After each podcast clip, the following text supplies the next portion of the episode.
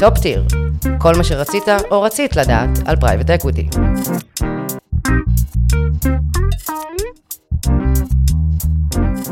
ברוכים הבאים וברוכות הבאות לפרק השלישי של Top Tier.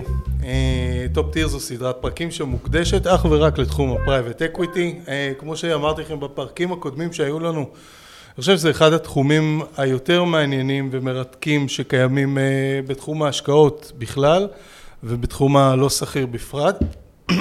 אנחנו רואים משקיעים פה גם בעולם, אנחנו רואים משקיעים פה בארץ הולכים ומגדילים את ההחזקות שלהם ב private equity אה, אה, ויותר ויותר גופים שנכנסים פה לארץ, דיברנו על זה גם בפעמים הקודמות. ואני חושב ש, שבאמת אה, משקיעות ומשקיעים ישראלים צריכים ללמוד את התחום ברמה יחסית גבוהה כדי לבצע את ההשקעות ובכלל לדעת לשאול את השאלות הנכונות כדי להבין מה מתאים להם. אנחנו כמו, ש, כמו שאנחנו מדברים, אנחנו נדבר על הכל, על האסטרטגיות ועל מה קורה בשוק הישראלי עם נציגות מהשוק שוק ה private equity הישראלי ואנחנו נדבר על, על המושגים, אה, אה, אנחנו נביא לפה באמת אה, חבר'ה שהם חבר'ה מהשורה הראשונה. ואם אתם רוצים שנשאל עוד שאלות כאלה ואחרות, אתם יותר ממוזמנים לשאול. אה, לשלוח לי, לדבר איתי, אני בשמחה, מה שמעניין אתכם. לפני הכל, אה, אני רוצה להודות לכל מי שבחר לשתף את הידע שלו, מי שהיה איתנו בפרקים הקודמים, אה, מושק, איתי אלנתן, ומי שיושב איתנו היום, איתמר בן דוד, אני כבר אציג אותו, ותודה לכם ולכן על ההזמנה. אני מקווה שתהנו, ובעיקר תשכילו. עכשיו, אם אתם מעוניינים בחומר שהוא יותר ספציפי, זאת אומרת על הקרנות עצמן ועל צורות ההשקעה, אנחנו מדברים פה ברמה שהיא רמת השוק, ברמה הכללית, אה, אה, אה, ומי שבאמת רוצה לשמוע על איפה לשים את הכסף, על תשואות, על, על מידע שהוא מידע נוסף, מצגות וכן הלאה, ורעיונות שהם רעיונות מוקלטים על הנכסים הספציפיים שבהם אפשר להשקיע, זה יכול להיכנס לאתר שלנו, יש שם את הכל בצורה הכי הכי מונגשת שיכולה להיות, www.lampert.co.il, כל מה שצריך כדי אה, בסופו של דבר אה, להשקיע בתבונה. לפני הכל, כמו תמיד, קצת דיסקליימר, אה, אז אני ארוץ עליו, הפודקאסט הזה הוא תוכן שאפשר ללמוד ממנו, לא המלצה לביצוע פעולות, אני רואה בכל דבר שאני מדבר בחצי שעה הקרובה, או קצת יותר, זה תלוי, תלוי בך איתמר. אה, משום אה, המלצה לביצוע פעולות והוא ייעוץ במוצר פיננסי או שיווק פיננסי או המלצה לביצוע פעולות או ייעוץ במוצר פנסיוני, שיווק פנסיוני, ייעוץ מס, משפטי, כל ייעוץ מסוג שהוא. המידע שיוגש כאן הוא כמובן לידיעה בלבד ואינו מהווה תחליף לייעוץ, שהרי ייעוץ השקעות צריך להתחשב בנתונים ובצרכים מיוחדים של כל בן אדם. כל העושה במידע על שימוש כלשהו עושה זאת על דעתו בלבד ועל חיותו הבלעדית. ואחרי שאמרנו את כל זה, אני רוצה להגיד שלום לאיתמר בן דוד. אהלן, רועי היקר, ותודה רבה על ההזמנה. איזה כיף לראות אותך פה. אני שמח להיות פה. כבוד גדול. אה, איתמר בן דוד הוא מנהל מערך המחקר אה, בפניקס ואליו, לשעבר אה, יש כאלה שמכירים את הגוף הזה כ-AJ גלובל. אז תודה, תודה שבאת. אתה רוצה לספר לנו קצת על המקום שממנו אתה מגיע בהתחלה? בשמחה. אז תודה רבה על ההקדמה. קוראים לי איתמר בן דוד, אני באמת עובד בחברת הפניקס ואליו. למעשה הפניקס ואליו הוא בעצם אה, בית השקעות שעוסק אך ורק במוצרים אלטרנטיביים. אנחנו מקבוצת הפניקס וכל מה שמשתמע מכך. יש לנו ארסנל שלם של אה, קרנות השקעה ומגוון אסטרטגיות שחולשות באמת על, על מגוון תחומי ה private capital. והעבודה שלנו מתחלקת גם לעבודה מול המשקיעים המוסדיים בישראל וגם מול המשקיעים הכשירים, כאשר באמת יש לנו את היכולת אה, לעקוב מקרוב ולנטר את המגמות המובילות בשווקים הפרטיים ובתורם להנגיש את זה בעצם גם למשקיעים המוסדיים בארץ וגם לקהל הלקוחות הכשירים שלנו. מעולה. אנחנו נתחיל, אחרי אה, שבפרק הקודם, מה שעסקנו, עסקנו, בפרקים הקודמים, עסקנו בבחירת מנהל ואסטרטגיות אה, וסוגי האסטרטגיות שקיימים. אנחנו נמשיך לצלול לתחום הזה של ה private equity. אה, היום נתמקד בתחום החוב ב private equity, לא רק תחום החוב, תחום עוד יותר ספציפי אפילו, זה, זה תחום שנקרא PE sponsor, וזה בעצם אה, אה, חוב לחברות שבעצם נשלטות אה, על ידי חברות private equity. אה, שזה בכלל אה, שווה לשמוע למה, למה יש יתרון לתת לחברה שהיא חברה שמוחזקת על ידי private equity, למה יש יתרון מאוד מאוד גדול בלתת לה חוב. אז בואו נתחיל בהתחלה. קודם כל, לפני הכל, אני אשמח מבחינת כל האזור של, ה, של ההשקעה, של ה private equity, אם תוכל למפות איפה, איפה אנחנו נמצאים. בשמחה. אז למעשה, כשאנחנו מדברים על חוב private equity או PE sponsor, אנחנו בעצם מתכוונים לעסקאות חוב, הכוונה בעסקאות חוב בהלוואות ישירות, שניתנות לחברות פרטיות. החברות הפרטיות האלה נתמכות או מושקעות מצד ה equity על ידי חברות, על ידי מנהלי השקעות private equity, שאם אנחנו ניקח צעד, צעד אחורה, אנחנו בעצם נעבור על אסטרטגיית ה direct lending משתייכת למשפחת נכסי החוב. לנכסי, למשפחת נכסי החוב. כשאנחנו מסתכלים על משפחת נכסי החוב, היא בעצם חלק ממה שאנחנו מגדירים כמשפחת ה private capital. כמו שבשוק הסחיר יש לנו בעצם את בלומברג, שהוא ספק הנתונים המרכזי שלנו, גם בשוק הלא שכיר יש לנו מספר שחקנים מרכזיים שיודעים, הייתי אומר, לספק מידע בעולם שאין בו שקיפות. Mm-hmm. גופים דוגמת פיצ'בוק, דוגמת פריקווין, הם יודעים בעצם למסגר את הקרנות האלו ואת ההשקעות האלו ולשים אותם ב, באסטרטגיות שיעשו שכל לכולם ובעצם יתחמו אותם. אז אם אנחנו נסתכל, יש בעצם ארבעה סוגי נכסים מרכזיים במה שנקרא private capital, קרנות ההשקעה הפרטיות. ארבעת סוגי הנכסים המרכזיים יהיו נכסי private equity, חוב פרטי, קרנות נדל"ן ותשתיות. אז לכל סוג נכס, כמו שאמרנו, יש בעצם מספר אסטרטגיות שמגדירות אותו. אם זה יהיה תחום ה-private equity, אז יש לנו בעצם את, תחום, את אסטרטגיית ה-buyout, שהיא האסטרטגיה בעצם הכי פופולרית, ושם מנוהלים רוב הנכסים, וכולם פריימרי. מכירים אותה, בדיוק בשוק הפריימרי. יש לנו את אסטרטגיית הצמיחה, יש לנו את אסטרטגיית ה-secondary, אסטרטגיית ה-co-invest, וגם אה, אסטרטגיית ההון סיכון, שלמעשה היום בעולמות שאנחנו חיים בהם כבר ההון סיכון צמח והתפתח למקום שהוא כבר סוג נכס בעצמו. כן. הרי venture capital, כשאנחנו מסתכלים על הון סיכון, אתה יכול להיכנס בשלב ה-seed, אתה יכול להיכנס בפרי-IPO, early stage, late stage, המקום הזה כבר נהיה סוג נכס בפני עצמו. Mm-hmm. אם אנחנו מסתכלים על תחת החוב הפרטי, האסטרטגיות שנכללות שם יהיו אסטרטגיות ה-direct lending, הלוואות ישירות, שבזה אנחנו נתמקד היום. שבעצם אם אנחנו טיפה נדבר על ה-direct lending, מה שה-direct lending בשביל החוב הפרטי הוא פחות או יותר מה שה-buyout בשביל עולם ה-private equity. יש לנו את ה-direct lending, יש לנו את המזנין, חוב, אה, חוב מזנין שזה בעצם שילוב של אה, חוב עם equity ביחד, יש לנו את אה, חוב במצוקה ומצבים מיוחדים, כן, בדיוק, נכון. ששם זה לא בהכרח מתן הלוואה, זה יכול להיות גם לקנות חוב של חברה במצוקה, זה בעצם צוותים יהודיים שיודעים להיכנס לחברות שהן משדרות מצוקה ומשם להסיע איזשהו סוג של ערך, לעשות מה שצריך ובאמת להוציא משם את הערך שאפשר. ונכסים ריאליים, שאנחנו מסתכלים, אני מכניס גם את תשתיות ונדל"ן תחת נכסים ריאליים, כי זה mm-hmm. בעצם מאותה משפחה. האסטרטגיות בעצם מתחלקות לפי סוג הנכס הנרכש ומה המטרה שלו. אם זה מטרה להשבחה, אם זה אופרטוניסטי, אם זה שכירות לטווח ארוך, ו- וכל מה שמשתמע מכך. אז אם אנחנו נתמקד, נצלול עכשיו שהבנו קצת את סוגי הנכסים באסטרטגיות, אם אנחנו נצלול באמת ל, לעולם החוב הפרטי, אז החוב לחברות פרטיות היסטורית היה נחלתם בעצם של הבנקים. הם היו השחקן המרכזי בשוק הזה והם אלו שסיפקו את מרבית ההלוואות, כשאם אנחנו נסתכל לפני 2008 בעצם הבנקים היוו כ-80% מהשוק הזה. Mm-hmm. הביקוש לחוב פרטי בכלל נוצר מעולם ה-private equity, כמו שאמרנו, זה PE ספונסר. אני אנסה להסביר את זה בצורה שהיא תהיה, שהיא תהיה פשוטה. קרנות הביוט בעצם מבצעות רכישות של חברות פרטיות תוך שימוש במינוף. עד עכשיו רועי, אנחנו היינו בתקופה מאוד אטרקטיבית, שסביבת ש... ריבית לא מאוד נמוכה. החוב לא עלה, כן. החוב לא עלה, סביבת נכון. ריבית הייתה מאוד אטרקטיבית, והיא בעצם אפשרה למנהלי השקעות לקחת מינוף במטרה למקסם תשואה. אה, עכשיו אנחנו יכולים לראות שאותן קרנות שביצעו את הרכישות הממונפות האלה, הם ביצעו את זה בעלויות אז, בעלויות מימון מאוד נמוכות.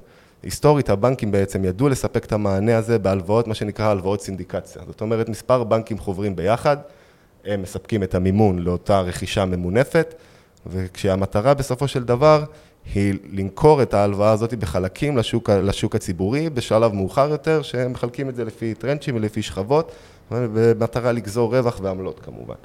אז המציאות של היום, שכמובן מתודלקת בעליות הריבית, מפגישה בעצם את אותם בנקים שביצעו את כל החיתומים האלו, עם מעל ל-80 מיליארד דולר של הלוואות שניתנו בתקופה מאוד אטרקטיבית, והיום הם פוגשים את המציאות שכנראה בשביל להוציא אותם מהשוק הציבורי, הם יצטרכו, הם יצטרכו לסכם, הם יצטרכו בעצם לרשום איזשהו הפסד. Mm-hmm. דוגמה לכך, אנחנו יכולים לראות את העסקה של ויסטה בעצם, העסקה של ויסטה בקרן ההשקעות, קרן buyout של ויסטה, בעסקת סיטריקס, או קרן אה, CDNR בעסקת המרכולים אה, מוריסון mm-hmm. בבריטניה, שזה עסקאות שהן באמת, עסקאות שהן התאימו למצב של השוק, שבאמת היה באיזשהו פיק. אבל לא לקחו בחשבון את העליית ריבית בעצם. בדיוק, בדיוק כמו שאמרת.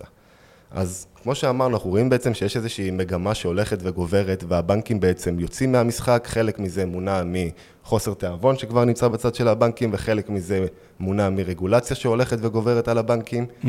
והם בעצם מפנים נתח שוק, מה שאמרנו שאם לפני 2008 הם היוו כ-80% מהשוק הזה, היום הם בעצם מהווים כ-20% מהשוק הזה. Mm-hmm. מי שלקח את הנתח החסר הזה, כמו שאנחנו יכולים לנחש, הם בעצם מנהלי האשראי הפרטיים, שהם יודעים להיכנס לנעליים האלה, יש להם את הצוותים הייעודיים לכך, הם יודעים לספק את המימון הזה תחת התנאים שלהם, אם זה בצורת קובוננטים, אם זה בצורת שיעבודים, אם זה בצורת ריבית משתנה. אז אם דיברנו בעצם על, על, על המיפוי של, ה, של התחום, אנחנו נמצאים באזורי החוב, אוקיי? באזורי החוב יש כמה וכמה אופציות למתן חוב, והתחום הזה נהיה בעצם מאוד מאוד אטרקטיבי, כמו שאתה אומר, בגלל שהבנקים יצאו, אה, בעצם יצאו מהמערכה, כמו שאתה אומר, אה, והשאירו בעצם את, ה, את האזורים האלה יותר אה, ל, ל, ל, לחברות יותר אשראי, שהן חברות אשראי שיודעות לספק בצורה נוחה יותר אשראי לגופים שהם גופים כאלה. אבל נכון. בכל זאת, אני רוצה שתעמוד על ה... על ה על סוג ה... אתה מדבר על PE ספונסר. אני רוצה שתעמוד ותסביר לי בעצם מה זה אומר. מה זה PE sponsor בעצם? אז כמו שאמרנו, PE sponsor זה בעצם אומר שהרי כשאנחנו משקיעים בחברה, אנחנו יכולים להשקיע או בצד ה equity או בצד החוב. מה שקרנות ה buyout עושות בעצם, הן נכנסות בצד של ה equity, mm-hmm. הן רוכשות רוב באותה חברה, באותה חברה, הן רוכשות רוב בעלות, שיקנה להן איזשהי סוג של שליטה.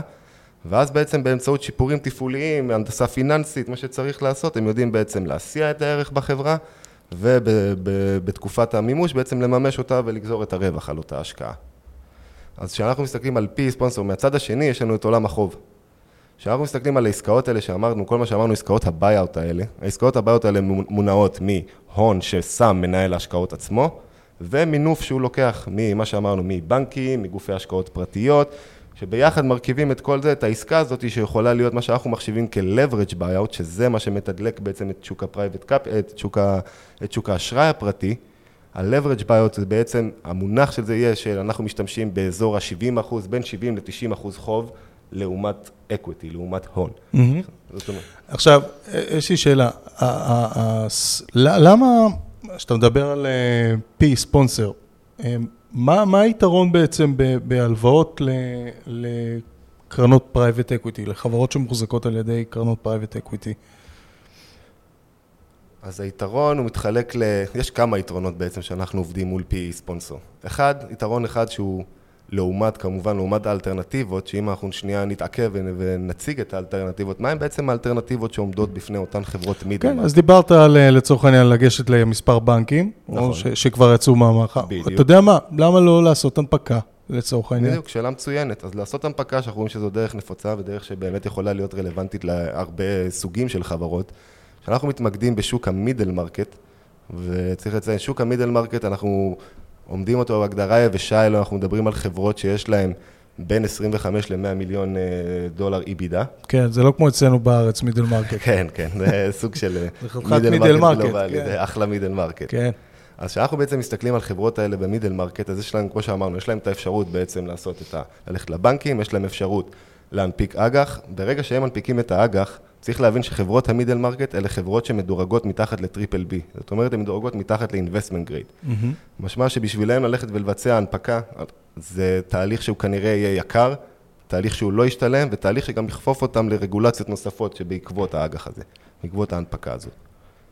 מה שמביא אותנו בעצם לאפשרות השלישית. שזה, שזה בעצם אה, להשתמש ב, ב, בחברות שמספקות בעצם אה, בדיוק, אשראי. ומנהלי אשראי פרטיים, שזה כל עיסוקם וזה מה שהם עושים, זה צו... צוותים יהודיים שמשקיעים את מלוא זמנם לניטור של העסקאות, למיקור של העסקאות ולפיקוח על, ה...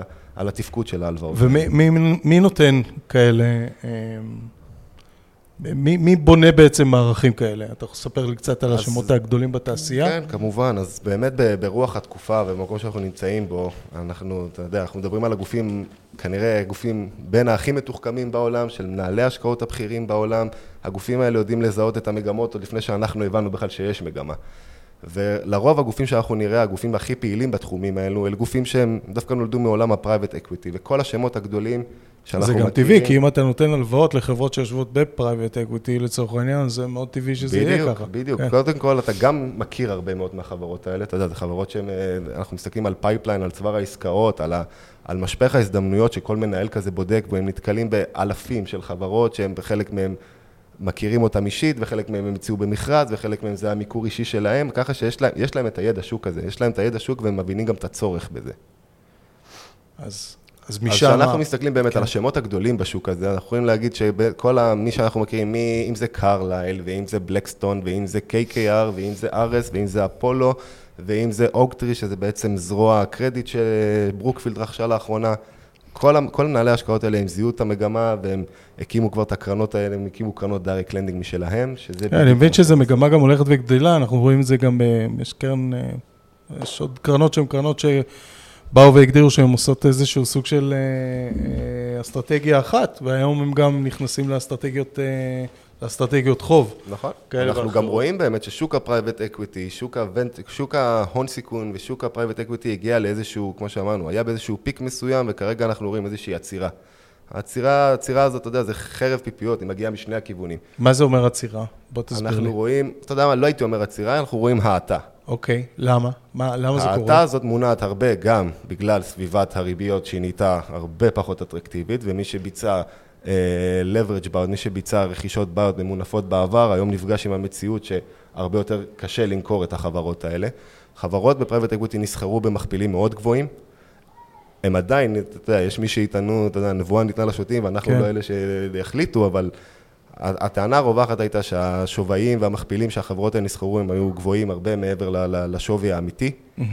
ובסופו של דבר אנחנו צריכים להבין שהנכסים האלו, כשאנחנו מדברים על, על, על אה, השקעות פרטיות, על נכסים פרטיים, זה לא שקיפות שיש בשוק הציבורי, כן? אז כמובן שתמיד יהיה רגולציה, תמיד יהיה מתאם לשוק הציבורי, גם אם הוא מתאם נמוך, אבל שיטת השערוך וסגנון השערוך של זה חייב להסתמך באיזשהו מובן על מה שקורה בשוק הציבורי. וברגע שאנחנו רואים האטה או ירידה בשוק הציבורי, כמובן שזה ישפיע גם על תחום הנכסים האלטרנטיביים. עכשיו, בגלל שתחום הנכסים האלטרנטיביים הוא באמת כזה רחב, אז אנחנו יכולים לראות האטה בצד ה-private equity, בצד ההון, אבל אנחנו כן רואים תגבור עלייה. ועלייה בצד ה... בצד, באמת בצד החוב בצד הפרטי, החוב. וגם בצד התשתיות, ובצד, ה, אתה יודע, כל מה שנחשב כמגן אינפלציוני. אז, אז אני רוצה לסכם את היתרונות של הגופים הגדולים בניהול כזה של, אה, של חוב. אז דיברנו אחד על ה flow שיש להם, שבאמת זה flow יחסית מאוד גדול, כי בדרך כלל KKR וכל הגופים שדיברת עליהם, קרלייל וכן הלאה, מחזיקים קרנות שהן קרנות פריימרי, יש להם עסקאות שהן רצות אה, אה, כל הזמן ongoing. איזה עוד? אה, וניסיון שהוא ניסיון של שנים אחורה. חוץ מזה, איזה עוד יתרונות אתה יכול לשים על השולחן? צוותי הניהול. זה בסדר גם אם לא היו עוד לא, יתרונות. לא, יש הרבה יתרונות. אני יכול להבטיח לך שבשביל שהם יהיו כזה שחקן מרכזי כן. בשוק הזה היום, כן. במצב שאנחנו נמצאים, יש להם הרבה יתרונות. אחד כן. היתרונות המרכזיים זה באמת צוות הניהול, שלצוות הניהול יש פה מומחיות של, אתה יודע, זו מומחיות של אנשים שזה מה שהם עסקו בהם כל החיים שלהם, והם מקימים צוות שזה כל מה שהוא עושה. אם זה, כמו שאמרנו, במיקור העסקאות, ואם זה גם בניטור, ואם זה גם במצב של, שאתה יודע, שהכל טוב ויפה, אז כולם מבסוטים. אבל מה קורה במצב שחברות, חברות מתחילות להגיע למצב שמתקשות לעמוד בתשלומים, של חדלות פירעון, של קשיים, ב, של קשיים במזומנים? אז זה בעצם מה שאנחנו יכולים לראות בחברות, אה, בקרנות השקעה מסוג, אה, מסוג קרדיט, מסוג חוב, יש מה שנקרא אחוז דיפולט.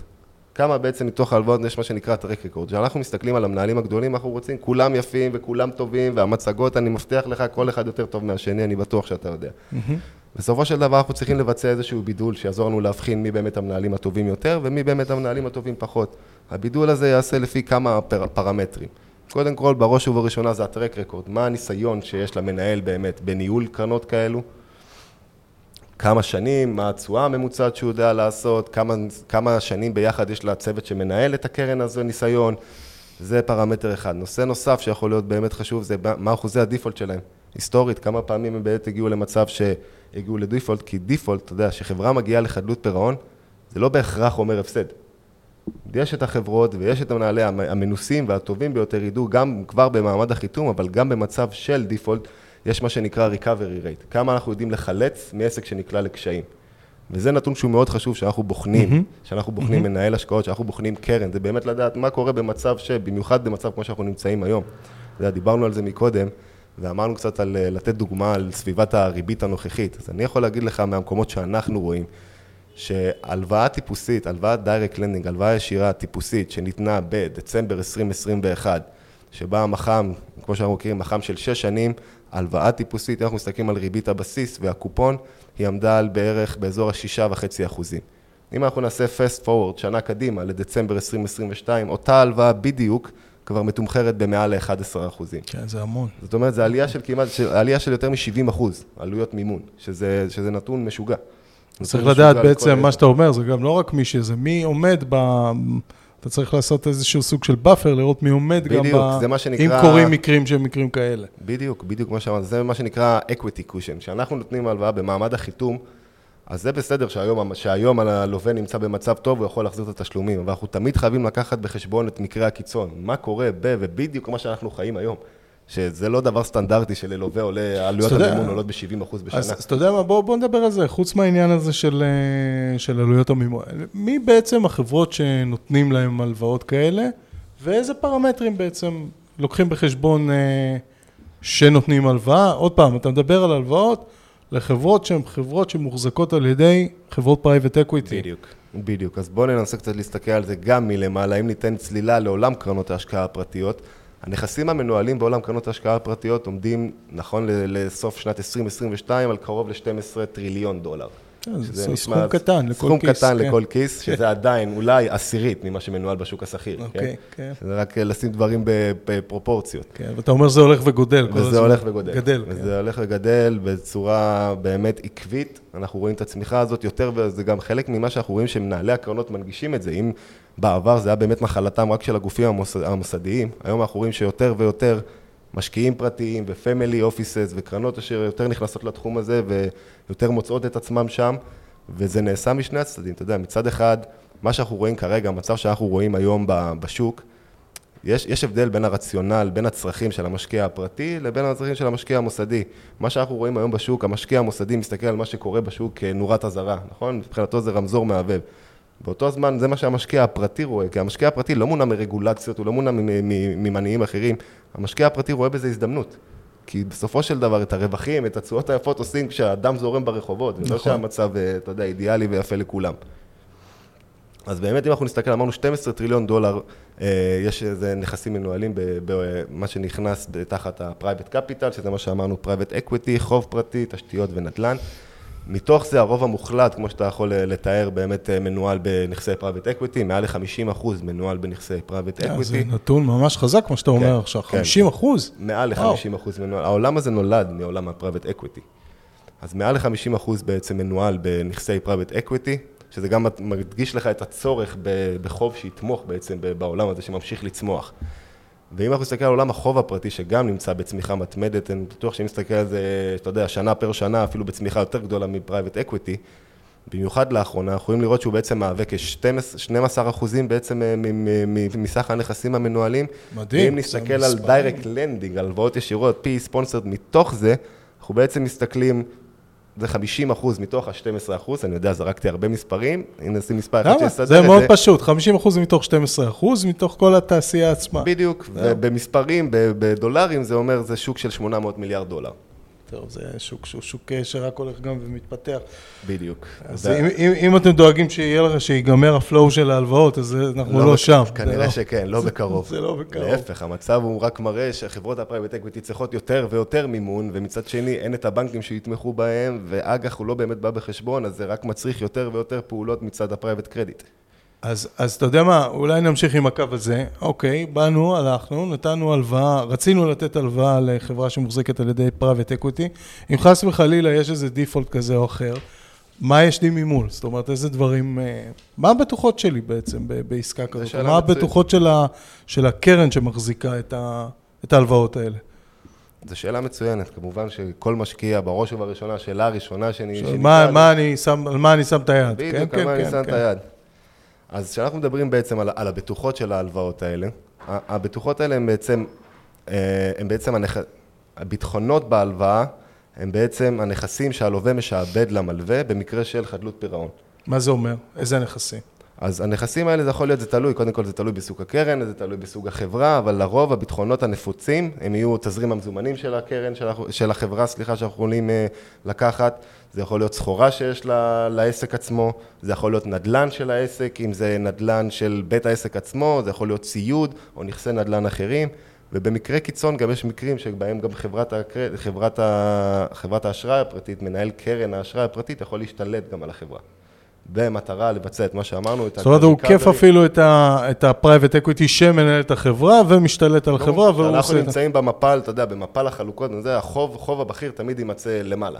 כן. אם אנחנו מסתכלים על מצב, על מפל הנושים, החוב הבכיר נמצא למעלה, אחרי זה יהיה לנו את החוב הנחות, יהיה לנו את המזנין, יהיה לנו, ובסוף יגיע מחזיקי האקוויטי. אז אתה יודע מה, יש לי שאלה שהיא שאלה אולי קצת מרגיזה, אבל יכול להיות שיש פה איזשהו סוג של אה, התנגשות, כי יכול להיות שקרלייל או KKR או כל החבר'ה האלה, מחזיקות קרנות שהן קרנות primary, שזה buyout, וגם נותנות להם את ההלוואה. שאלה מצוינת וסופר רלוונטית. אז זה קודם כל, אתה יודע, זה תלוי במנהל וזה תלוי במדיניות שלו, אבל כמובן שאתה יודע, מבלי אפילו לחשוב על זה פעמיים, זה נוצ- יוצר אה, ניגוד אינטרסים מטורף. נכון. מנהל לא יכול להיות מושקע גם מצד ה equity כי וגם בעצם מצד מה החוב. קורה? אני נותן flow של כסף למישהו. שהוא נמצא אצלי, ויש פה איזשהו סוג של, ברור, של אז, בעיה. אז לרוב המוחלט לא יקרה בחיים שמנהל השקעות יהיה מושקע גם בצד ה equity וגם בצד החוב.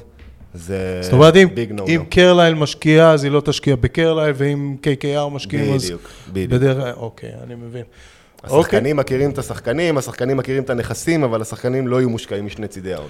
אז, אז אתה יודע מה, אם אנחנו באמת מדברים על, על הקרנות האלה, שהן שונות מקרנות private equity, אז אנחנו יודעים שקרנות private equity, בעצם רואים את ה-X הראשון, או 1X, נקרא לזה בצורה כזאת, את הכסף שהשקעת, אחרי את משהו. כמו, כן, כן, החזר השקעה, אחרי סביבות 4-5 שנים.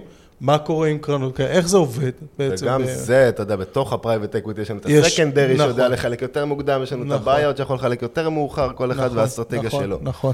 אז באמת בעולם החוב הפרטי, זה גם כאן, זה תלוי ומונע מהאסטרטגיה, אבל בסופו של דבר, מבחינת הגיוס, מבחינת תהליך הקרן, הוא יעבוד בצורה דומה, באמת בצורה דומה לקרנות שאנחנו מכירים ב private equity. private equity, כמו שאמרת, תקופת, זה יתחלק לתקופת השקעה ותקופת מימוש, אשר בסופו של דבר הקרן יהיה לה משך חיים של כ... כעשר שנים, שגם אותם ניתן להגדיל, ב, אתה יודע, פלוס אחד, פלוס אחד, יכול להגיע גם ל-12-13 שנים. כשאנחנו מסתכלים על קרנות החוב, בהלוואות ישירות, מה שאנחנו מדברים עליו היום, ממוצע ההלוואות, לרוב ההלוואות ניתנות בריבית, בריבית, ההלוואות ניתנות במח"מ של שש שנים. המח"מ הזה של השש שנים, זה בעצם יהיה משך חיי הקרן. הקרן יהיה, עכשיו זה תלוי גם באיזה קרן אנחנו, על איזה קרן אנחנו מסתכלים. כמובן. כמו שאמרנו, יש קרנות שהעולם הזה כל כך גדל וכל כך צמח, שיש קרנות שהן מתורגתות למשקיע מוסדי, ויש קרנות שהן מתורגתות למשקיע הפרטי.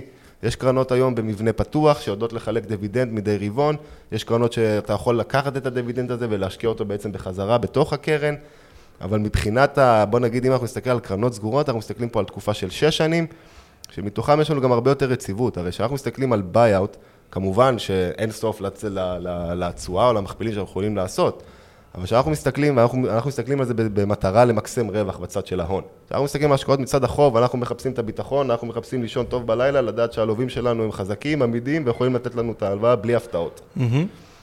וזה בדיוק מה, ש... בדיוק מה שאסטרטגיית ההלוואות הישירות באה לתת, והיא יודעת לתת את זה במענה של, אם זה יכול להיות בקרן של אה, שש שנים. כמו שאמרנו, היום יש קרנות פתוחות, באמת, במבנה פתוח, שמגייסות מדי רבעון, ויודעות לתת גם חלוקה מדי רבעון, עם...